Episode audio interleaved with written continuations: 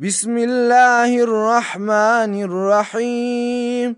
اللهم ارزقني فيه فضل ليلة القدر وصير أموري فيه من العسر إلى اليسر واقبل معاذيري وحط عني الذنب والوزر يا رؤوفا بعباده الصالحين.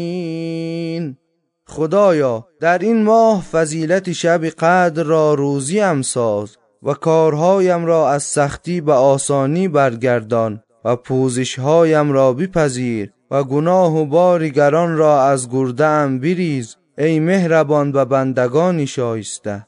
الله الله الله الله الله الله